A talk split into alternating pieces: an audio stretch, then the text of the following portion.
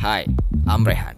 I'm Irfan. This is the regular OK podcast that share how people can gain with creative, industry, and lifestyle.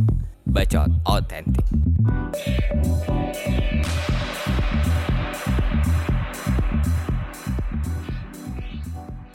Balik lagi bareng kita di Bacot Authentic Podcast.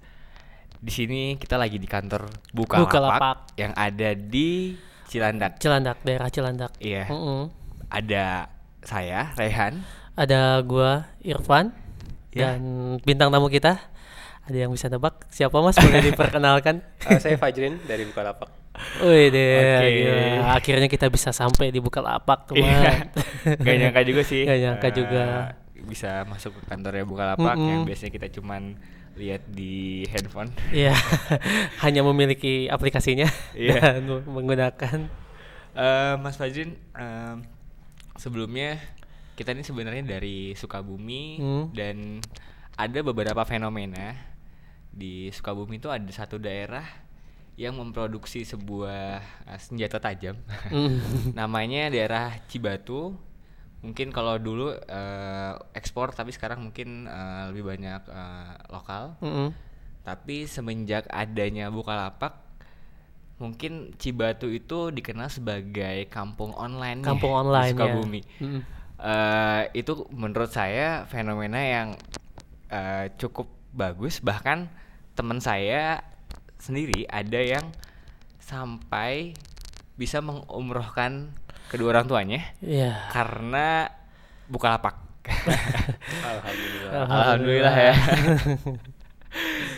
Eh, itu tahun 2015 kalau nggak salah. Sampai eh, menurut saya itu suatu daerah yang cukup eh, independen ya, Mm-mm, karena mm-mm.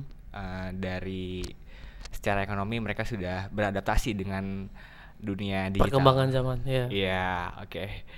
Ah, Mas Fajin boleh sedikit Iya, diceritain nggak diceritain. tentang sejak tahun 2017 mungkin? Mm.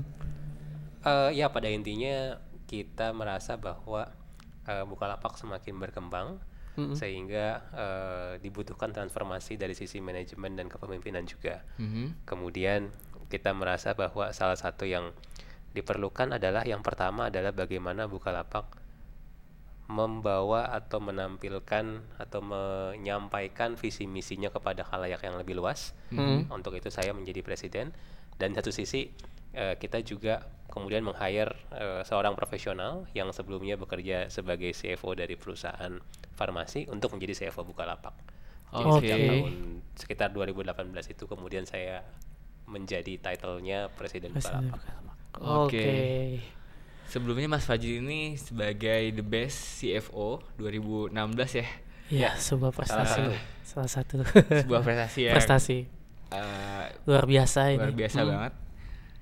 Nah, boleh tahu nggak mungkin sedikit eh, tentang masa kecilnya Mas Fajri mungkin eh, lahir di mana dan dibesarkan di mana? Saya lahir di Jakarta, kedua orang tua asli dari Karawang. Oke. Jadi orang tua bapak ibu keduanya dari Karawang, tapi kemudian orang tua saya bekerja di Jakarta. Mm-mm. sehingga mereka tinggal di Jakarta dan kemudian saya lahir di Jakarta. Saya lahir sampai lulus SD di Jakarta, Mm-mm. kemudian sempat tinggal satu tahun di Sumatera Utara di sebuah kota namanya Padang Sidempuan, Mm-mm. kemudian pindah lagi ke eh, Pekalongan di Jawa Tengah Oh. sampai lulus SMA. Itu Sampai kira-kira. SMA. Oh, iya, Oke. iya, iya. Dan eh, dari situ mungkin yang bisa eh, kita ambil Mas Fajrin itu eh, berpindah-pindah mungkin dari dari sekolah dari Ya, dua Jakarta kali. dua kali ya, Mas. Ya. Oh. Hmm, oke. Eh, kalau boleh tahu nih Mas Fajrin dari kecil mungkin di dibesarkan atau dididiknya ada yang berbeda nggak dengan Hmm. teman-teman semasa kecilnya Mas Fajrin?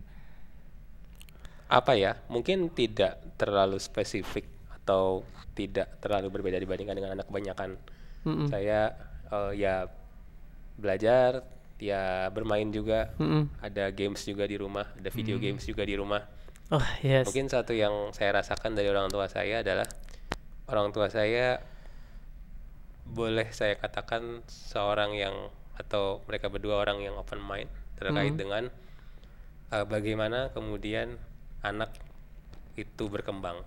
Artinya saya tidak dipaksa untuk katakanlah masuk uh, kuliah mana begitu ya. Oke. Uh, seperti itu.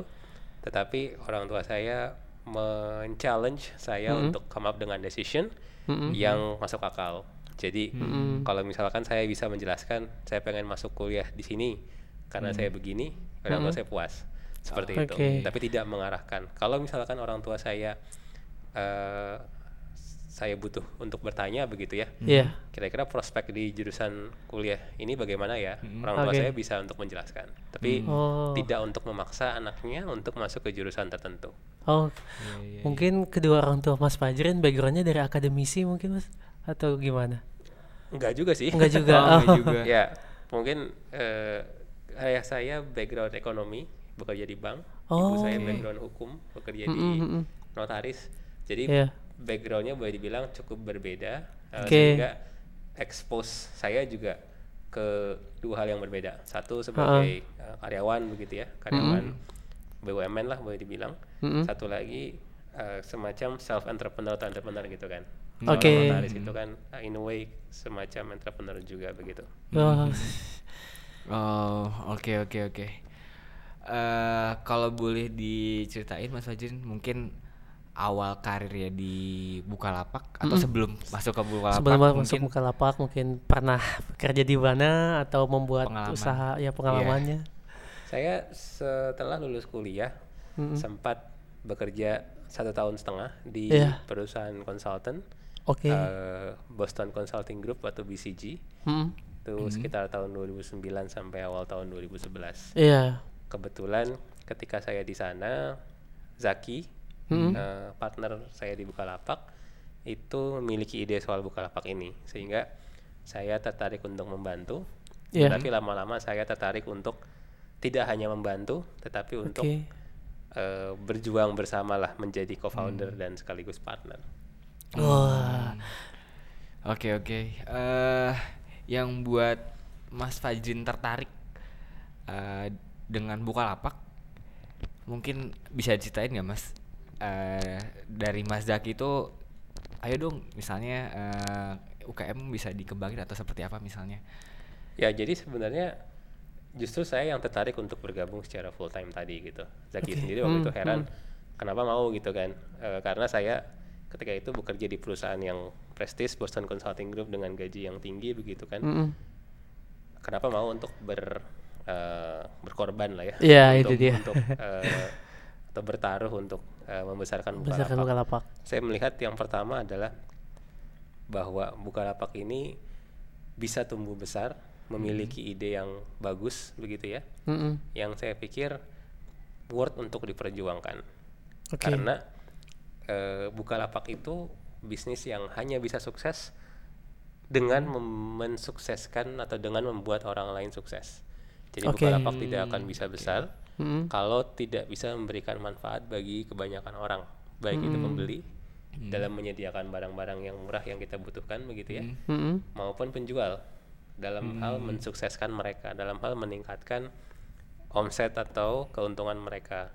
Jadi itu yang kemudian membuat saya tertarik begitu kan, dan eh, Zaki tentu saja senang ketika saya memutuskan untuk resign dari bukal dari BCG dan fokus di Iya. Bukalapak. Oh, berarti dengan Mas Jaki eh sempat jadi teman seangkatan satu kampus atau eh, gimana, Mas? Betul. Di- Jadi ceritanya mundur lagi ke belakang. Mm-mm. Ketika di ITB saya dan Zaki cukup dekat. Oh. Kita satu satu satu jurusan, satu Iya. kosan bahkan. Jadi di tingkat-tingkat tiga, tingkat empat itu sering sekali mengerjakan kuliah, mengerjakan tugas kuliah bersama satu tim Oke. begitu ya. Sehingga sudah sering bekerja sama dalam satu tim. Hmm. Satu tim. Nah, di situlah kemudian kita menjadi dekat dan ini terus berlanjut setelah kita lulus kuliah. Walah, Jadi keren. meskipun tadi saya kerja di BCG, Iya. saya tetap keep kontak dengan eh, keep in touch dengan Mas Zaki Mm-mm. untuk berdiskusi ide-ide, eh, kemudian perkembangan bisnis dan lain sebagainya, termasuk ketika Zaki memiliki ide Bukalapak ini. Oh. Oke.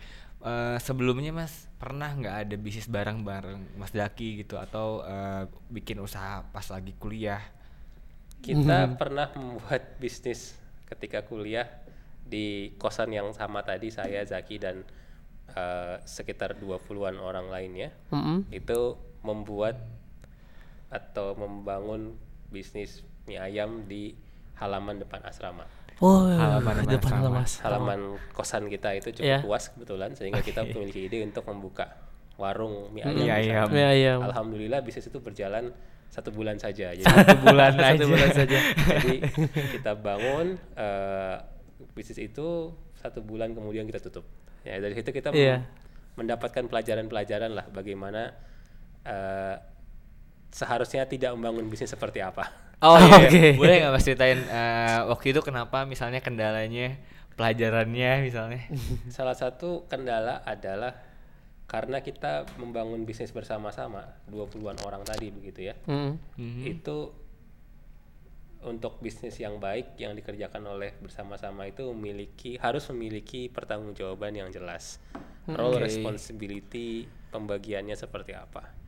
Oke. Sedangkan ketika tadi kita membangun bisnis 20-an orang tadi itu tidak ada pembagian tugas yang jelas. Hmm. Oke. Eh, di- dalam hal sebagai contoh saja eh, yang menjaga warung itu harusnya siapa seperti itu sehingga pernah suatu ketika yang harusnya jam makan siang atau makan malam yang mestinya banyak pengunjung Mm-mm. tapi tidak ada yang menjaga Terus gimana Mas? Itu masih Mas? buka? ya tidak ada orang Tidak ada orang. jadi tidak ada sales Iya. Oke oke. Nah kenapa seperti itu karena 20-an orang tadi begitu ya meskipun loh kan banyak orang gitu kan Mm-mm. Tapi karena banyakan orang itu justru masing-masing merasa bahwa oh masih ada orang yang lainnya. Begitu. Oh, iya, iya, Makanya iya. ketika membangun bisnis berikutnya di Bukalapak eh, dan lain-lain itu kita eh, belajar dari sana harus memiliki pembagian tugas yang jelas. Kamu mengurus apa, kamu mengurus apa. Sehingga kita tidak bisa lagi berlindung di balik oh masih ada si inilah yang yang Iya. yang ngurusin seperti itu. Tidak ketergantungan satu sama lain mas. Oke oke. Eh, terkait sama mungkin eh, pembagian tugas. Ya. Nah, eh, tugas dari Mas Fajrin di Bukalapak sekarang kan sebagai presiden. Ya. Ada nggak Mas hal-hal prinsip banget yang Mas Fajrin pegang dari awal masuk Bukalapak sampai sekarang yang menurut Mas Fajrin itu sangat eh, penting atau yang Mas Fajrin bangun nilainya gitu misalnya. Yang pertama we stay to to our mission tadi ya bahwa Mm-mm. eh, kita tetap ingat sebenarnya untuk apa sih kita membangun Bukalapak tadi begitu kan? Iya. Itu yang sepertinya tetap perlu dilakukan atau diingat oleh siapa pun yang ingin membangun bisnis terkait dengan apa sih sebenarnya yang mau dicapai dari bisnis ini. Betul. Selain daripada financial return begitu ya. Mm. Jadi visi misi besarnya itu sebenarnya apa sih gitu kan? Hmm. Dalam Iya. kasus Bukalapak kita punya visi misi untuk membangun ekonomi kecil menengah Indonesia dan itu yang terus dipegang dari dulu sampai sekarang. Oke. Kalau misalkan kita boleh tahu nih eh, semangatnya Bukalapak bisa sampai hari ini eh, selain daripada mengembangkan UKM mungkin apa sih Mas? Boleh di-sharing kepada kita juga. Itu yang paling penting karena itu yang kemudian mendrive apa sih sebenarnya yang harus kita kerjakan. Mm-mm. Dan itu yang juga akan mendrive kenapa kita dan mudah-mudahan tim di Bukalapak semua itu semangat untuk eh, membangun Bukalapak. Jadi tidak hanya ini sebatas pekerjaan begitu. Oke. Jadi eh, saya pernah eh, membaca suatu buku yang bercerita kurang lebih ada seorang eh, yang mengunjungi bukan mengunjungi lewat di sebuah eh, rumah ibadah yang sedang dibangun. Mm-mm. Di situ ada tiga tukang bangunan gitu ya. Iya. Ditanya, "Eh, kamu lagi ngapain? Tukang bangunan pertama jawab, saya lagi eh, menyusun batu bata Iya. gitu. Tukang bangunan yang kedua menjawab, saya lagi membangun bangunan. Mm-mm. Hmm. Yang ketiga menjawab, saya sedang membangun rumah Tuhan. Jadi Oke. pekerjaan yang sama ketika orang memiliki visi yang kuat, boleh jadi itu akan mendrive supaya kita bekerja dengan lebih baik, supaya kita eh, menghasilkan hasil karya yang lebih baik juga. Jadi setelah kita memiliki visi misi yang kuat tadi, langkah berikutnya atau hal lain juga yang penting adalah bagaimana mengkomunikasikan visi misi itu kepada tim di dalam perusahaan kita, termasuk Oke. dalam hal ini tim Bukalapak. Jadi bagaimana visi misi itu tidak hanya kita atau saya dan Zaki punya, Iya. tapi kita share kepada seluruh tim di Bukalapak supaya Iya. mereka bisa melihat bahwa apa yang dikerjakan di sini itu tidak hanya membangun bata tadi, tidak hanya Iya. menyusun bata, tapi eh, ya konteksnya dalam hal Bukalapak adalah apa yang mereka kerjakan, apa pun itu begitu ya, Iya. entah itu yang menyusun batu bata, entah itu yang menyusun atap dan lain sebagainya, tetapi mereka membangun sesuatu yang mudah-mudahan bisa bermanfaat bagi ekonomi kecil menengah di Indonesia. Hmm, Oh, oke. oke. Luar biasa sekali. Em, terkait sama eh, visi Bukalapak itu Mas, mungkin eh, sejauh mana atau bagaimana cara menyampaikan eh, visi tersebut kepada tim bahkan kepada eh, stakeholder seperti investor misalnya Mas. Eh, ada ada tips nggak mungkin? Yang pertama adalah show by data. Jadi seperti kasus Bukalapak itu kita tidak hanya melihat angka revenue atau profit perusahaan saja. Iya. Tapi kita juga melihat angka seperti misalnya adalah bagaimana omset dari masing-masing penjual di Bukalapak. Mm-mm. Oke. Jadi bagaimana omset itu berkembang? Kalau Iya. misalkan omset rata-rata pelapak atau penjual online di Bukalapak tahun ini meningkat dibandingkan dengan tahun lalu, in a way kita bisa mengatakan bahwa pelapak di Bukalapak secara umum mereka semakin makmur atau semakin uh, naik penghasilannya dibandingkan dengan sebelumnya. Nah itu by data. Yang berikutnya yang kedua adalah dengan show the uh, anekdot atau uh, testimoni atau uh, ya memang pengalaman dari kisah-kisah pelapak yang sukses tadi.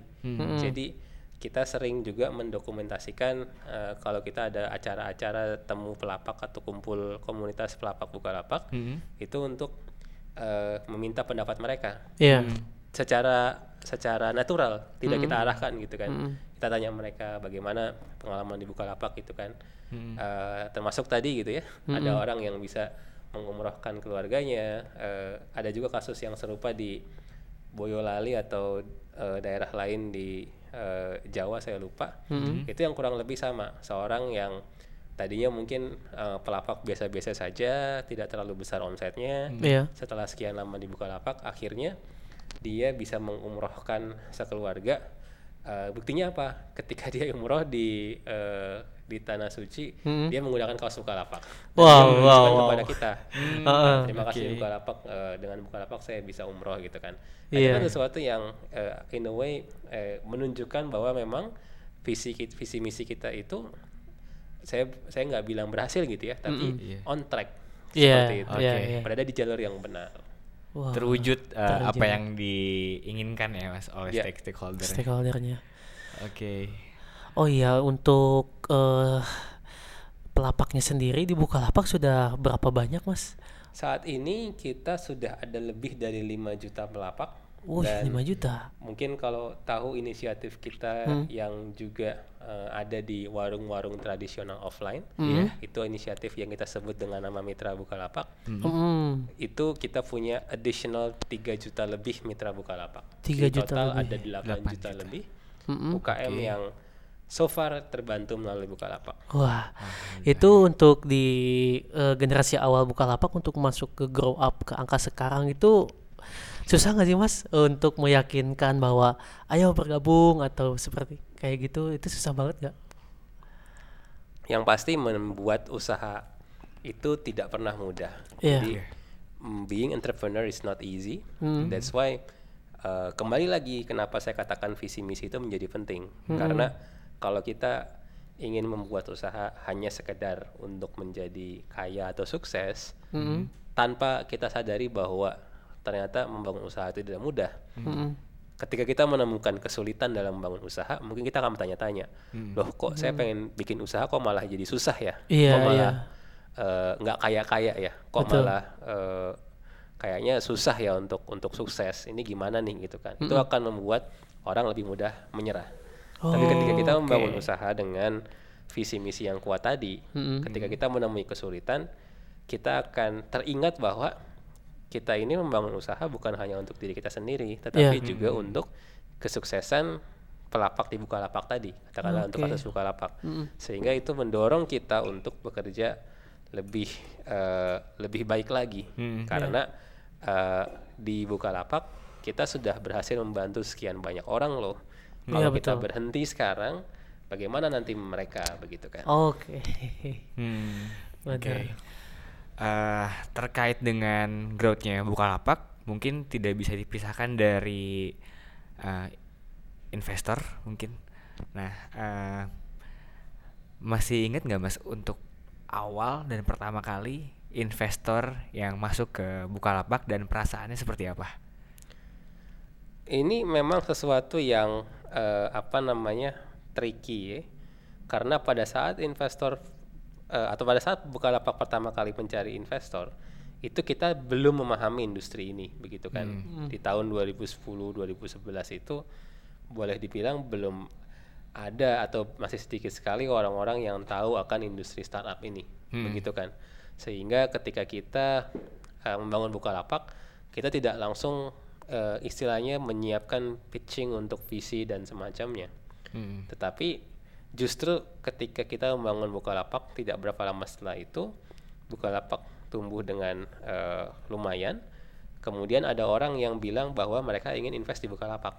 Nah ini yang membuat kita, oh ternyata ada orang yang mau invest di Bukalapak ya.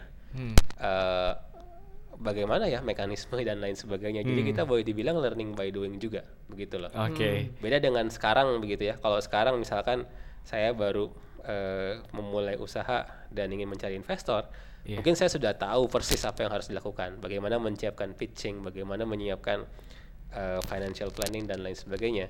Jadi Oke. boleh dibilang kalau kasus Bukalapak dulu karena kita termasuk perusahaan yang eh, awal Pionir. berdiri di eh, dunia startup Indonesia, itu kita boleh dibilang banyak eh, learning by doing. Oke. Hmm. Tapi Oke. kalau boleh tahu eh, Bukalapak mentreatment para investor-investornya tuh seperti, apa, sih mas? Iya. Eh, investor pada dasarnya adalah shareholders juga, sehingga oke. kita mentreat investor sebagai shareholders dalam hal kita memberikan laporan eh, kepada mereka, kita memberikan update-update kondisi perusahaan eh, di sana, kemudian apa namanya kita mem- mengupdate juga apabila ada eh, kesuksesan dan sebaliknya apabila ada masalah juga karena sebagai oke. shareholders Hmm. eh, tentu mereka akan concern juga eh, terkait dengan masalah yang menimpa Bukalapak Hmm. dan akan berusaha untuk membantu menyelesaikan masalah tersebut. Oke. Oke. Eh untuk eh, stakeholder yang lain mungkin Mas seperti para karyawan ada nggak budaya kerja yang eh, Bukalapak bangun dan ingin sekali di dipertahankan eh, karena eh, berbeda dengan perusahaan yang lain misalnya budaya kerjanya misalnya seperti apa?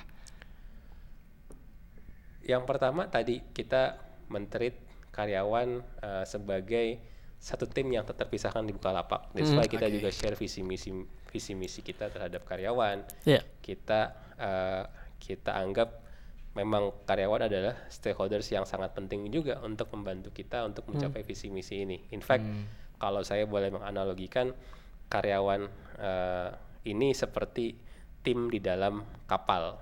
Jadi Oke, benar. kita ini sama-sama ber- berlayar gitu. Nah, koda sejago apa pun dia, yang namanya kapal, terutama kapal pesiar yang sudah besar gitu ya, Iya. Iya. pasti ada ratusan atau bahkan ribuan orang saya nggak tahu Hmm. eh, apa namanya staff yang membantu untuk mengarahkan kapal pesiar itu Iya. untuk bersama-sama mencapai satu tujuan.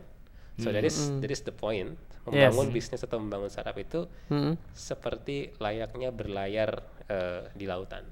Kita Oke. memiliki satu tujuan yang jelas, begitu ya. Hmm. Ada eh, nahkoda atau founders atau owner yang mengarahkan bahwa kita ingin berlayar ke Bali atau ke mana begitu ya. Dan semua orang di dalam kapal itu bersama-sama mencapai satu tujuan yang sama. Masing-masing punya role yang berbeda-beda begitu ya. Hmm. Hmm. Ada yang eh, nggak tahu di bagian mesin, ada yang di bagian eh, bahan bakar dan lain sebagainya. Tapi semua sama-sama tahu bahwa kita ini di sini buat mencapai tujuan tersebut. Hmm, Oke. Eh, yang jelas berarti eh, satu visi, tapi tahu eh, job desk masing-masing ya mas ya. Yes. Oke.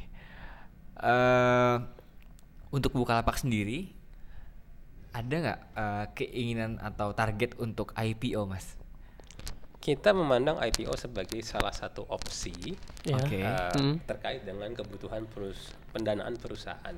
Iya. Iya. Kalau ditanya mungkin ya mungkin saja, tetapi Mungkin saja. untuk saat ini banget nih Iya. eh, belum ada rencana. Belum ada rencana Tapi bukan untuk berarti IPO. tidak mungkin di kemudian hari entah tahun depan, dua tahun lagi dan seterusnya. Wow, keren amin sih. Oke. Em, untuk eh, Bukalapak sendiri eh, rencana dalam bisa mengekspor eh, UKM atau apa produk ekspor UKM ke luar negeri itu ada nggak mas misalnya mempermudah jalan atau seperti apa gitu masuk ke sana Kita sekarang sudah memulai ekspor sebenarnya. Hmm. Jadi kita mulai dari lima negara. Jadi lima negara di eh, di Brunei, Iya Malaysia, Singapura, Hong Kong dan Taiwan Mm-mm. itu sudah eh, sudah kejadian. Oke. Artinya orang-orang di sana eh, itu bisa membeli barang melalui Bukalapak Iya. dan kemudian barang tersebut artinya barang Indonesia diekspor ke negara tadi. Oke Ya. Menurut Mas eh, Fajri sendiri potensinya seperti apa Mas untuk UKM yang ekspor ke lima negara tersebut? Saat ini memang masih belum terlalu besar dibandingkan dengan eh, keseluruhan bisnis Bukalapak. Mm-mm. Tapi saya pikir seiring berjalannya waktu itu sesuatu yang menurut saya sangat-sangat potensi ke depannya. Hmm. Mm-mm. Mungkin ada produk yang eh, menjadi andalan nggak untuk eh, UKM ekspor ke lima negara tersebut? Eh, barang-barang yang itu unik, di Indonesia. Jadi misalkan makanan eh, khas Indonesia, Mm-mm. eh, kemudian batik dan semacamnya eh, yang khas Indonesia, busana Muslim khas Indonesia, Iya Hmm. kemudian kopi dan produk-produk yang khas Indonesia, sesuatu yang bisa menjadi keunggulan. Dan sudah sudah berjalan mungkin Dan ya, Mas? sudah berjalan, yes. Oke, Eh, itu mungkin bisa jadi tips juga buat Iya. yang mendengarkan podcast ini bahwa ada peluang bisnis dari Bukalapak yang udah Iya. dibocorin produknya untuk ekspor ada Iya. kopi, ada batik dan lain-lain ya. yang unik-unik juga ya Ah. Mm-mm. Oke, Kalau untuk di target Bukalapak ke depannya nih Mas, ada yang mau dicapai nggak kalau boleh tahu kita? Yang pasti visi misi Bukalapak tetap sama. Bagaimana kita bisa mengembangkan ekonomi kecil menengah Indonesia. Hmm. Tapi bentuknya bisa jadi berbeda-beda atau bermacam-macam. Sebagai Oke, contoh, oke. Dulu di awal kita hanya berbicara soal platform online. Oh ya, Jadi eh, ya pelapak eh, menjual barang melalui marketplace. ya. Tapi kemudian kita ekspansi ke mitra Bukalapak. Mm-mm. Jadi kita bicara soal warung tradisional yang juga bisa berkembang melalui Bukalapak. Dan ke depan ya mungkin saja ada konsep-konsep lain yang kita kembangkan, eh, tetapi kemungkinan besar fokus kita akan tetap di UKM atau ekonomi UKM. kecil menengah. Oke. Ya, eh, mudah-mudahan Bukalapak bisa Ya. grow terus Iya, eh, amin. sesuai dengan visi misinya. Iya. Mas Fajri, kita sih seneng banget ya. Eh, apa ya dengan munculnya Bukalapak. Mm-mm. eh termasuk karena teman saya tadi ya, saya melihat langsung dampak secara sosial dan ekonominya. Oke, eh Mas Haji mungkin kita ada sedikit eh, klarifikasi terkait dengan beberapa isu yang ada di di Indonesia ya. Iya, yang sudah juga diberitakan. Iya. Nih. Oke, yang pertama, apakah dengan Mas Fajri menjadi presiden akan stop bakar eh, duit? Jadi kita bicara bakar duit itu eh, itu mungkin istilah yang yang agak eh, negatif Iya. Mm-mm. dari investasi. Mm-mm. Oke. Jadi eh, orang atau perusahaan itu wajar untuk berinvestasi. Mm-mm. Oke. Yang tidak wajar atau yang kurang wajar adalah investasi yang kurang baik.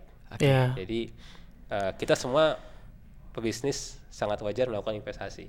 Iya. Orang berinvestasi untuk katakanlah membeli tanah, membeli eh, apa namanya pabrik dan lain sebagainya untuk kemudian membeli mesin untuk kemudian akhirnya membuat aktivitas produksi itu kan salah bentuk salah satu bentuk investasi juga. Iya.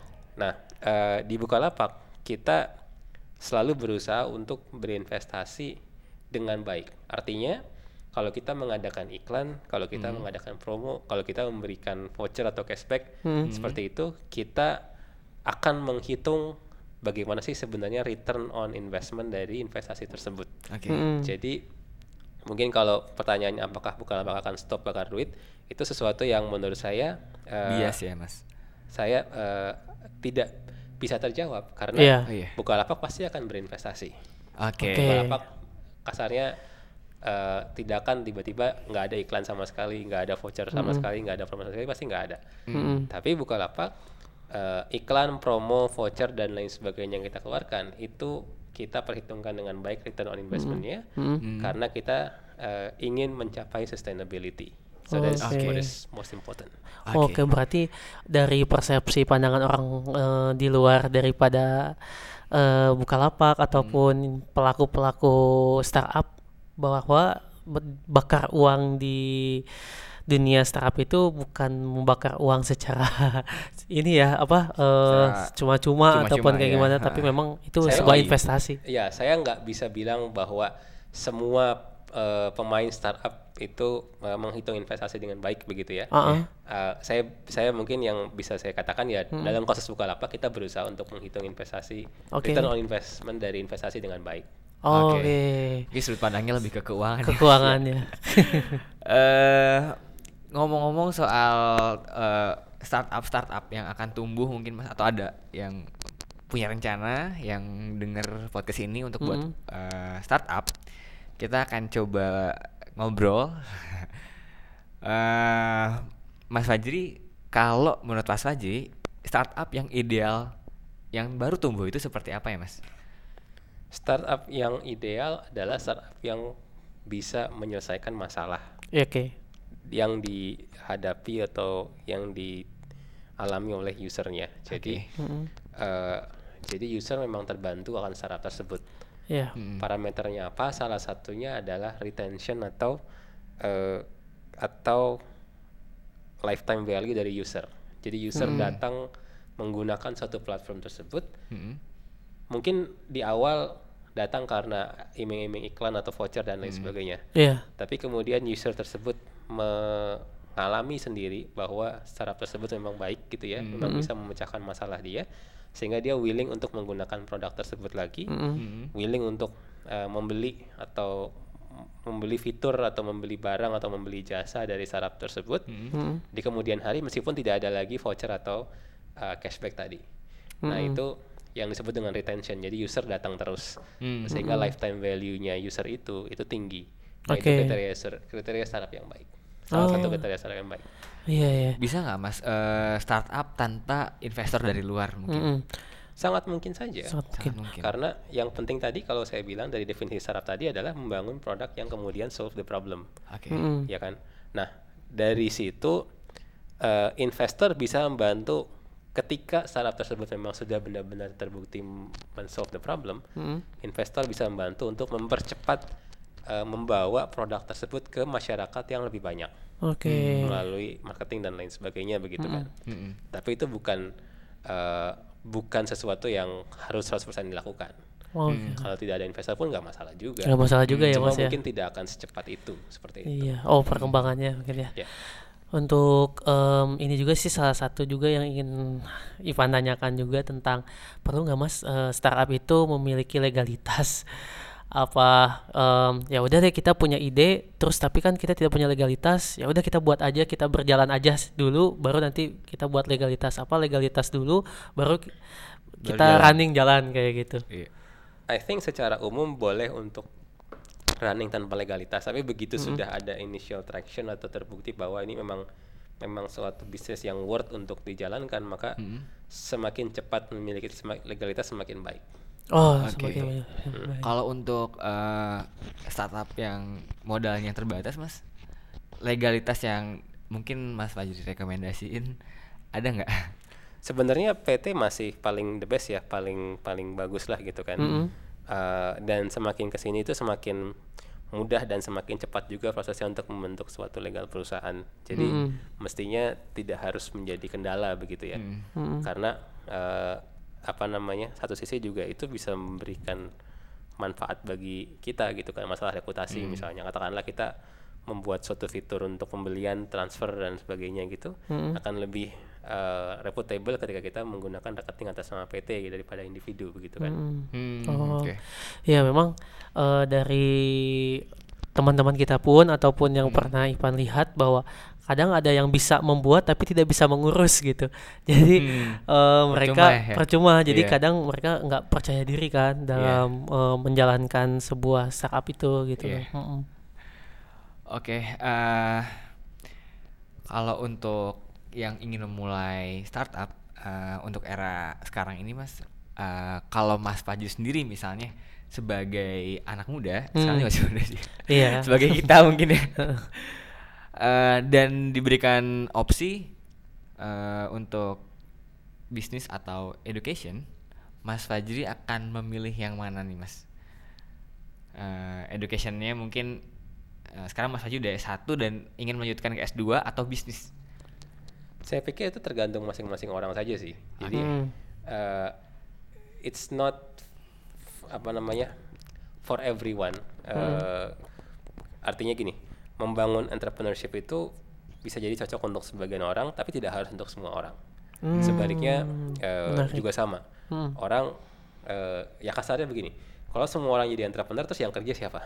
Iya, kan? iya. Tapi dan juga sebaliknya, kalau semua orang jadi kerja, yang bangun usaha siapa? Karena kan butuh ada usaha baru gitu kan. Karena kalau enggak eh, kalau kalau persentase entrepreneur di Indonesia rendah, katakanlah gini, kalau persentase entrepreneur itu cuma satu persen, Hmm. artinya dari 100 penduduk yang jadi pengusaha cuma satu, artinya satu satu orang ini akan menghidupi 99 orang lain. Hmm. Tapi kalau dua persen, artinya dua orang menghidupi 98 orang, atau Ya. satu orang menghidupi 48, 49. Iya. Iya. Kalau tiga persen, berarti tiga orang menghidupi 97, satu orang menghidupi 33 kira-kira. Ya kan? Oke. Mm-mm, betul. lebih lebih mudah gitu, lebih manageable ma- manageable untuk mengurus orang yang jumlahnya lebih sedikit. Makanya Oh, iya. kita memang membutuhkan lebih banyak entrepreneur, Iya. tapi bukan berarti semua orang harus jadi entrepreneur. Oh, jadi bukan sesuaikan saja dengan eh, visi misi tadi. Visi misi. Jadi visi misi eh, katakanlah tadi kita bicara soal visi misi membangun perusahaan begitu ya. Sebelum ke sana, ya mungkin kita mesti melihat terlebih dahulu visi misi diri kita sendiri sebenarnya apa sih sebenarnya begitu. Hmm, Dan visi misi diri sendiri itu tidak harus membangun entrepreneur Oke. saya. Ah, iya. Berarti juga bisa dicari dari segi knowledge mungkin Mas ya. Eh, perlu nggak sih Mas dari eh, anak muda nih kan sekarang generasinya generasi rebahan gitu ya. generasi bagiannya ya langsung bikin startup langsung besar kayak buka lapak gitu. mungkin perlu nggak Mas tentang segi dibiasakan dengan membaca buku ataupun apa itu penting nggak dengan itu menunjang? Eh, yang pasti knowledge is important ya. Yang Yes. pasti di era seperti sekarang ini di mana perubahan jadi begitu cepat, kita harus terus mengupgrade diri kita. Caranya nggak harus membaca buku, bisa aja dengan ya misalkan dengan podcast juga kan salah satu bentuk menambah ilmu begitu. Iya betul. Eh, atau ikut ikut course online, eh, ikut eh, apa pun itu yang bisa menambah ilmu, apa pun itu yang bisa menambah insight. Karena lagi-lagi di zaman sekarang perubahan jadi begitu cepat, Ya, kita nggak bisa betul. berpuas diri dengan knowledge yang kita miliki eh, saja, Hmm. gitu. Nah, kemudian knowledge itu digunakan untuk apa? Ya silahkan masing-masing gitu kan. Apakah Iya. kita bisa, oh ya udah saya ingin membangun knowledge di bidang profesional, saya ingin menjadi eh, karyawan expert di bidang A gitu. Ya silahkan saja itu bukan sesuatu yang salah juga. Tapi ketika kita misalkan eh, membangun knowledge, and then at the same time dari knowledge yang kita yang kita acquire, kita kemudian terpikirkan satu ide untuk kemudian dijadikan sebuah startup, ya itu sesuatu yang bagus juga. Sesuatu yang bagus juga. Oke, tapi ini ada satu yang pengen aku tanyain tentang eh, mungkin nggak sih Mas eh, Bukalapak juga membangun cabang nanti di daerah-daerah misalnya nanti ada di Sukabumi misalkan Iya, di daerah-daerah seperti itu mungkin ada nggak Mas? Mungkin nggak? Mungkin kalau kantor cabang dalam arti ada perusahaan PT Bukalapak dengan orang-orang karyawan Bukalapak, Mm-mm. sepertinya tidak lama dekat. Tetapi mungkin eh, yang barangkali sebagian ada yang sudah tahu juga, Bukalapak itu memiliki pelapak yang tersebar di seluruh Indonesia Heeh. dan banyak kota di Indonesia itu di kota-kota tersebut terbentuk komunitas pelapak bukalapak di kota tersebut. Oke. Saya belum tahu di Sukabumi seperti apa, tapi Mm-mm. di banyak kota ada sekitar 100 kota lebih so far. Mm-mm. Iya. Ada komunitas pelapak di sana. Jadi ada komunitas pelapak di Bandung, di Bekasi, di Bogor, di Semarang, di Mm-mm. eh, Solo, Jogja dan lain sebagainya itu Mm-mm. eh, itu terbentuk. Saya kurang tahu di Sukabumi bagaimana, tapi mereka ini yang eh, biasanya mengadakan perkumpulan eh, pertemuan setiap bulan sekali atau Oke. setiap berapa waktu sekali begitu ya untuk saling sharing knowledge, saling sharing pengalaman, saling sharing tips trik bagaimana caranya jualan online sehingga masing-masing dari mereka bisa eh, tumbuh lebih baik lagi. Hmm, Oke. Iya, iya, iya. Em, untuk mengasah kemampuan bisnis nih mas, Mm. atau misalnya lebih ke ya kualitas hidup dan lifestyle lah ya. Iya. Eh, mengenai bacaan, nah, ada nggak bacaan yang Mas Fajri rekomendasikan buat anak muda yang mungkin bacaannya nggak terlalu berat ya? Iya. Yang- Banyak sih. Banyak ya. Coba Saya ya. salah satunya nih, Iya. Mas. Kalau terkait dengan startup mungkin ada Zero to One, ada Lean Startup, ada Hard Things About Hard Things. Itu tadi beberapa judul buku ya. Hmm. Ada apa lagi ya? Ada Design for Design of Everyday Things. Ada Originals dari Adam Grant dan banyak lagi buku lainnya. Saya punya account di Goodreads. Eh, Goodreads itu bisa dilihat di account saya buku-buku yang sudah saya baca saya kasih review bintang 5, bintang 4, bintang mana gitu. Seperti Oh, itu. iya, iya. Wah. Kita lihat dari Instagramnya Mas Fajri. Iya, betul. Ya di Instagram saya juga ada di highlight. Di highlightnya itu. Mas Fajri eh, sekarang mungkin lagi baca buku apa nih? Kalau sekarang banget saya baca buku judulnya Radic- Ra- Radical Candor, uh, di mana pada intinya uh, memberikan tips trik bagaimana menjadi uh, bos atau bagaimana menjadi manajer yang baik seperti itu. Oke, eh, 1 sampai 10 Mas bukunya itu dikasih range berapa? Radical Candor ini Iya. mungkin sekitar 9 Sembilan. Sembilan. Wow, Oke, berarti sempurna. banget ya, ya. recommended banget. Buat para bos ya. Iya betul. Kalau kita di garis bawahi untuk para bos. Oke, teman-teman juga bisa cek di Instagramnya Mas Fajri. Fajri. Ada Instagramnya Mas? Ada Fajrin Rashid. Fajri Fajri Rashid. Rashid. Ya, di situ ada highlight terkait sama buku-buku yang Mas Fajri baca. Kita udah lihat recommended banget Mm-mm. buku-bukunya. Em, Oke, mungkin eh, ini udah di sesi akhir. Yap. Thank you banget Mas Fajri udah bisa menyempatkan waktunya Iya betul. eh, buat kita di podcast ini. Mm-mm. Ada nggak mas pesan terakhir yang mau eh, mas sampaikan untuk, Untuk generasi milenial. milenial yang ingin berkarir, Mm-mm. eh, berbisnis atau berkarya Berbisnis. misalnya? Atau untuk memulai bisnis itu seperti apa? Apakah harus bekerja dulu di perusahaan atau biar tahu rasanya? Yang jelas sih satu tadi ya yang saya sampaikan ketika kita memulai usaha itu kita mesti punya visi misi yang jelas. Iya. Eh, jangan memulai usaha karena karena hanya ter eh, ter apa ya terpicu dari beberapa kisah sukses lainnya. Kadang Oke. sebenarnya eh, failure rate-nya itu tinggi. Jadinya lebih banyak kisah gagal yang mungkin tidak diceritakan orang. Mm-mm. Jadi untuk membangun bisnis kita benar-benar harus punya uh, ide yang kuat dulu akan masalah apa sih yang mau dipecahkan sama bisnis kita. Mm-mm. Ketika kita sudah memiliki itu, dan kita bisa bicara soal bisnis kita lebih jauh lagi. Oke. Oke. Wah, luar biasa berarti tidak eh, harus dipersiapkan mentalnya dulu. Ya, mentalnya Dan dulu mungkin ya. Visi misinya, ya visi misinya nih teman-teman. Jadi jangan sembarangan ingin eh, panas karena teman satunya punya startup nih. Ya kita bikin nih, kita bikin. Jangan kayak gitu juga. Jadinya bakar uang. Iya jaga bakar bakar Iya, uang. tidak investasi. iya, iya, aku pengen nanya nih ke Mas Fajrin. Sekarang Mas Zaki kegiatannya apa Mas? Dia apakah sekarang mau tinggal nunggu hasil aja gitu dari Bukalapak atau gimana? Yang pasti Mas Zaki pertama sebagai advisor di Bukalapak masih terus bantu Masih, Bukalapak oh, juga. oke. Yang kedua, dia sangat concern masih dengan industri ini, sehingga dia banyak uh, bertemu dengan startup-startup, Ya. membe- menjadi pembicara terkait dengan startup Mm. dan lain sebagainya. Oke. Mungkin bisa dicek juga di Instagramnya dia. Oh, ya. Oke. Oke deh, eh, terima kasih kepada Mas Fajrin atas waktunya. Eh, Oke, gue pamit, gue Irfan Gue Rehan. dan tamu kita ada Mas Fajrin. Ya, oke. Oke. Eh, Oke, goodbye. Goodbye. Eh,